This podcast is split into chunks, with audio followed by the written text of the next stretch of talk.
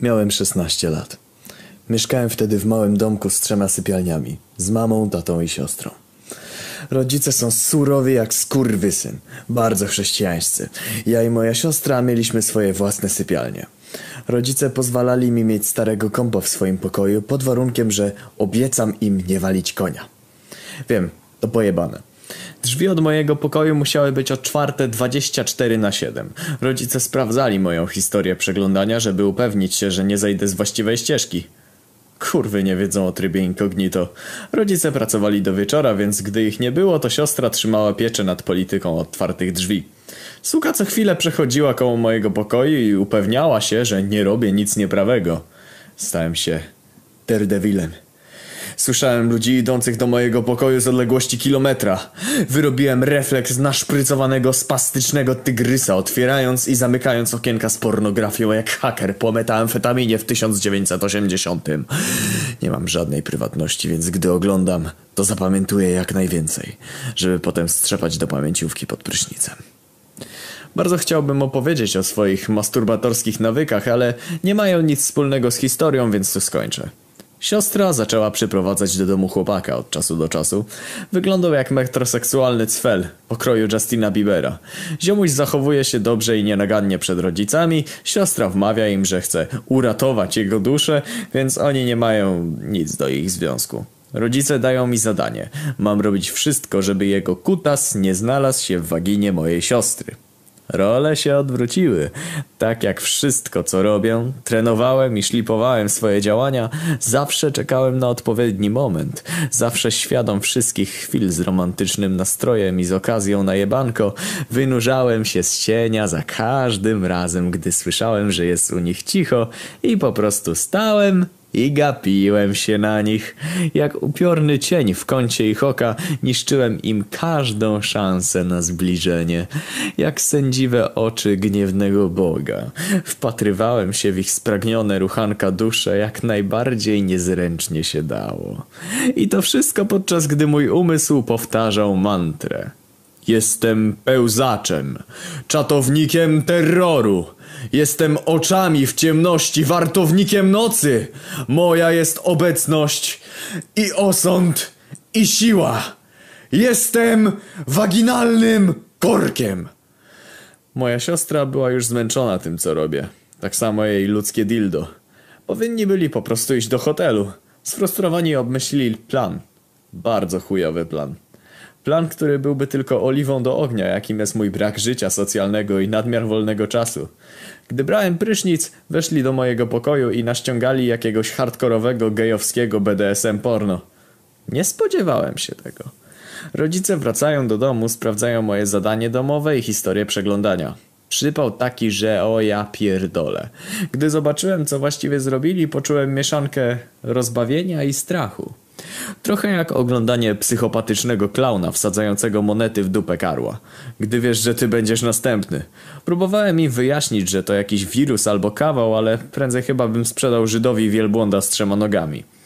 Zabrali mi internet, wykasowali gry i uprawnienia na komputerze. Wiedziałem, kto był odpowiedzialny za tę zniewagę. I wiedziałem, gdzie mieszkają. Wiem, że to nie brzmi przekonująco, ale miałem kumpla, który miał magistra we wkurwianiu ludzi i chciał, żeby go nazywać Harold. Harold i ja obmyślaliśmy plany i w końcu zdecydowaliśmy się na ten, który miał największe szanse powodzenia. Faza pierwsza planu strach. Nie miałem nic do robienia podczas wolnego czasu oprócz czytania, bo nie mogłem nigdzie wychodzić po 17. Cały czas spędzałem na siedzeniu w pokoju, nawet przestałem sprawdzać siostrę. Oni myślą, że wygrali. Raz na jakiś czas śmiałem się, nie takim normalnym śmiechem, ale śmiechem o wyższej barwie. Wibrującym śmiechem z małymi pauzami pomiędzy wydechami. Wyobraźcie to sobie jako nagiego świętego Mikołaja, któremu ktoś ssapałe, podczas gdy ten właśnie bierze 80 kilo na klatę. Pierwsze starania były bez rezultatu, lecz po jakimś czasie pedałek i siostra zaczęli to zauważać. Wsłuchiwałem się jak nietoperz, a gdy tylko robiło się u nich cicho, robiłem to tak głośno, żeby usłyszeli. Robiłem to z trzy czy cztery razy dziennie. Nigdy, gdy rodzice byli w domu. Pewnego dnia siostra pytała o odgłos dochodzący z mojego pokoju. Udaję zmieszanego i zwalam to na przeciąg z łazienki. Ona nie łyka tego i wie, że to ja. Jakoś głupio komentuje w stylu Pewnie tak bardzo tęsknisz za swoim pedalskim porno i stąd te odgłosy. Robię to przez kolejne kilka tygodni i siostra w końcu wkurwia się tak bardzo, że wparowuje do mojego pokoju i każe mi przestać. Nigdy nie nadkryła mnie robiąc to. Zawsze byłem czujny i przestawałem, gdy słyszałem, że się zbliża. Zacząłem zachowywać się tak, jakbym nie wiedział, o czym ona mówi i udawałem nawet zmartwionego jej stanem zdrowia. Ziarno zemsty zostało zakopane. Wszystko szło według planu. Po miesiącu mój neurotyczny śmiech SpongeBoba stał się czymś, do czego siostra po prostu przywykła i nic sobie z tego nie robiła. To też była część planu. Harold jest bogatym dzieciakiem i ma spore rzeczy, których nawet nie potrzebuje. Pożyczył mi dyktafon, mały skurwysynek, którego mogłem ukryć praktycznie wszędzie, a można do niego było podłączyć jakiekolwiek wyjście audio. Nagrałem swój śmiech. Wpierw ukryłem dyktafon w szparze pomiędzy pudełkami ze starymi ciuchami w swoim pokoju. Upewniłem się, że ciężko go będzie znaleźć, ale nadal zostanie dużo miejsca, żeby nie wytłumić dźwięku. Poszedłem do salonu i upewniłem się, że siostra i chłoptaś mnie zobaczyli. Powiedziałem, że wychodzę do sklepu. Wyszedłem z domu i poszedłem do najbliższego spożywczaka. Zostawiłem dyktafon nastawiony na puszczenie nagrania 13 minut po moim wyjściu i kolejne 10 minut później. Wszedłem do sklepu i patrzyłem na lody, jakbym był Saszą Grey na międzyrasowym gangbangu przez 20 minut. Wróciłem do domu równo 30 minut po moim wyjściu i zobaczyłem siostrę i jej chłopaka w salonie. Ich wyraz twarzy, gdy wszedłem do domu, niszczy mnie za każdym razem, jak sobie o nim przypomnę. Czuję mrowienie w kręgosłupie, jakby ktoś namasował mi prostatę. Strach w ich oczach. Niezaprzeczalny strach. To wszystko wymagało lat dyscypliny samuraja, żeby nie wybuchnąć wtedy śmiechem. Wyglądali tak, jakby zobaczyli mnie właśnie wyczołgującego się z wielkiego odbytu w ścianie. Odpaliłem wewnętrznego DiCaprio i zachowywałem się tak zdziwiony i przejęty, jak tylko się dało. Spytałem, czy coś się stało, bo wyglądają blado. Spojrzałem siostrze w oczy, gdy to powiedziałem. Siostra się wkurwiła. Zaczęła sapać, mówić, że mam chore pomysły. Ogólnie pełno oskarżycielskiego gówna, tak jakby nie widziała, że dopiero wszedłem frontowymi drzwiami. Pytała, jak to zrobiłem. Ja zachowuję pokerową twarz i pytam, czy coś brała. Mówię, że zachowuje się jak pojebana, odkąd zaczęła tu przyprowadzać tego Wacka. Spojrzałem na Cwela wkurzonym wzrokiem. Oznajmiam jej, że powiem wszystko rodzicom o tym, jak się zachowuje. To ją trochę uspokoiło. Przypomniało jej się, że mam not, moc skarżenia, jak malutki tchórz, którym no, właściwie jestem. Powiedziałem, żeby się ogarnęła i przestała robić to, co robi. Wykrzedłem jak teksański kowboj po Alamo. Faza druga. Paranoja. Minął tydzień z hakiem po incydencie z dyktafonem. Siostra nic nie powiedziała rodzicom o tym kawale. Ja tu ciągnę za sznurki. Mój śmiech znów zaczął na nią działać. Wbiegała do mojego pokoju, żeby mnie przyłapać. Zapomniała, że to ona jest Fredką, a ja Fineaszem i Ferbem. Nie udawało się jej mnie przyłapać. Czasem nawet nastawiałem dyktafon i będąc z nią w pokoju robiłem swoje. Przeszukała mój pokój próbując znaleźć cokolwiek. Bezskutecznie, choć raz było blisko. Mówi, że tylko ja mogę wydawać ten odgłos, bo pan Timberlake też to słyszy. Zignorowałem ją i nie przestawałem oglądać swojego dokumentu o narwalach i innych arktycznych kreaturach. Zacząłem śmiać się w dłuższych interwałach. Czasem pomijałem parę dni, żeby miała fałszywe poczucie bezpieczeństwa. Nie mogła spać. Nie mogła cieszyć się czasem z jej chłopakiem. Próbowała mnie przyłapać. Stałem się najsprytniejszym małym gówniakiem. Nawet rozważałem karierę w wywiadzie. Nadszedł dzień, gdy Siorka nie mogła już wytrzymać i nasłała na mnie rodziców jak parę wściekłych psów na bezbronnego kotka. Powiedziała im, że próbuje ją wkręcić i to wszystko jest niedojrzałe. Johnny Depp ją wspierał, mówiąc, że też to słyszał. Rodzice zaserwowali mi pełno bzdurnego gadania, że stąpam po cienkim lodzie i tak dalej, i tak dalej. Nadal nie puszczałem broni jak upośledzony republikanin po strzelaninie. Dałem pokaz warty Oscara o mojej niewinności. Mówiłem, że w wielu przypadkach nie było mnie nawet w domu i tak dalej.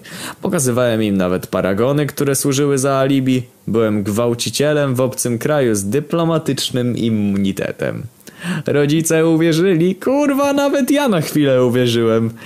Siostra nadal zakładała, że kłamie. Rodzice powiedzieli, że jesteśmy za starzy na takie rzeczy. Dali mi ostrzeżenie i wyszli. To dało mi erekcję tak silną, by powalić nią antylopę. Czas w końcu nadszedł. Cała ciężka praca się opłaciła. Spędziłem tyle czasu układając kostki domina. Czas je popchnąć. Faza trzecia. Rozpierdol. Piątkowa noc. Mama i tato mieli randkę, a ja zostałem sam z siostrą. Dostała od rodziców pozwolenie na zaproszenie tego kutasa. Odsłuchałem rozmowę i pan piękniś się jakoś wywinął i powiedział, że nie przyjdzie. W tym miejscu wiedziałem, że koza, którą zarżnąłem w imię Adanimusa, boga psotników, dała mi jego błogosławieństwo. Od incydentu ze śmiechem nigdy nie zostawała sama w domu. Wiedziała, że ja jestem jedynym możliwym wytłumaczeniem na te śmiechy. Jedyną logiczną solucją. Spakowałem rzeczy i powiedziałem, że idę do biblioteki. Wyglądała na zdenerwowaną. Powinna być. Powiedziałem pa i wyszedłem, z głową wysoko i czując się jak facet z penisem rozmiarów trąby małego słonia. Pojechałem do biblioteki zajęło mi to 25 minut busem.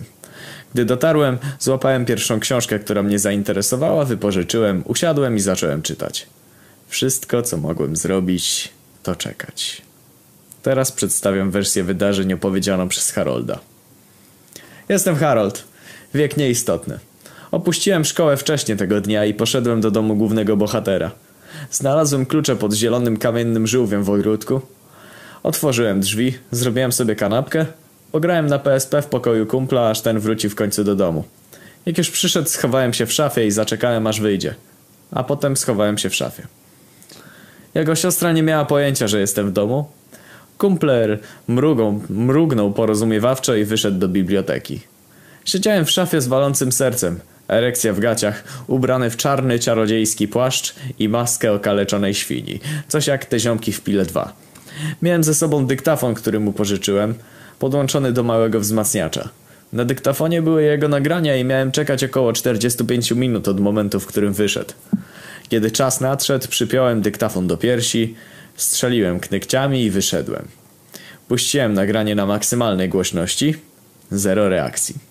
Usłyszałem telewizor grający w salonie, więc spróbowałem znów parę razy, zanim się poddałem.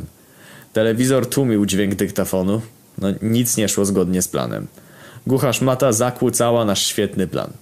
Wyszedłem z pokoju po cichu. Nikogo nie było w pokoju siostry, no więc musiała być w salonie. Wszedłem do salonu, a ona była na kanapie. Twarz w poduszce, dupa wysoko, ruchana przez jakiegoś chuderlawego cwela. Obydwoje mieli plecy zwrócone do mnie. To było lepsze niż nasz plan. To była jedyna w życiu okazja. Powód, dla którego mama mnie nie połknęła. Moja szansa, że jestem warty tyle, co wojownik wiking. Nigdy cel życia nie był przede mną postawiony tak oczywiście. Bóg umieścił mnie na tej ziemi, żeby upewnić się, że te skurwysynki obsrają się ze strachu. Zamiar wypełnienia jego woli coraz bardziej pompuje mi krew w żyłach. Ręce spocone, kolano miękkie. Przewinąłem dyktafon na nagranie numer 4, na którym kumpel krzyczał jak chińska dziewica ruchana przez mastodonta. Wszedłem do pokoju niczym ninja. Ziomuś zapinał tego dupala tak mocno, że nie zauważyliby mnie nawet gdybym wszedł do pokoju tańcząc. Sięgnąłem po pilota, wyłączyłem telewizor, a przystojniaczek przestał posuwać. Wziąłem głęboki oddech i krzyknąłem na całe gardlo. Co wy kurwa robicie? Odskoczyli spłoszeni jak gołębie na placu wolności. Ściągnąłem kaptur odsłaniając maskę świni. Widziałem jak kolory spływają z ich twarzy. Terror najwyższej jakości w ich oczach. Patrzyli w odbyt Boga. I topił on ich oczy śmiertelników. Dławiłem się własną śliną, próbując się nie śmiać. Dziewczyna zaczęła piszczeć bardzo wysokim tonem. Każda nutka przechodziła przez moje ciało jak przyjemne fale. Cfel położył się na niej, próbując ją osłonić swoim ciałem, ale dziewczyna próbowała desperacko wyrwać się i uciekać. To, to wyglądało jak pełzające po sobie robaki po letnim deszczu. Zanim odzyskali równowagę, sięgnąłem do kołnierza i nacisnąłem przycisk na dyktafonie, puszczając najgorsze odgłosy, jakie kiedykolwiek słyszałem. Pomocy! Koleś się posikał. Dosłownie strumień uryny wyciekł z jego sztywnego puloka. Całkiem imponujące, że mógł utrzymać erekcję w takiej sytuacji. Brawo. Podniosłem ręce, odsłaniając rytualny sztylet dzierżony w prawej, podczas gdy demoniczne skrzeki z dyktafonu uderzały w nasze bębenki. Słowa nie mogą opisać dźwięku, jaki wydali chłopak i dziewczyna, jak piski balonu, z którego schodzi powietrze, a ktoś rozszerza ustnik. Jak głodne świnki morskie, jak małe gepardy wołające matkę. Zebrali się i zaczęli biegnąć, strącając wszystko po drodze. Wybiegli nago z domu. Jedyne co słyszałem to ich krzyki. Wiem, że moje przeznaczenie zostało dopełnione. Teraz mogłem już umrzeć. Harold. Spotkałem Harolda później tego dnia. Powiedział, że rzeczy nie poszły zgodnie z planem, ale wszystko było ok.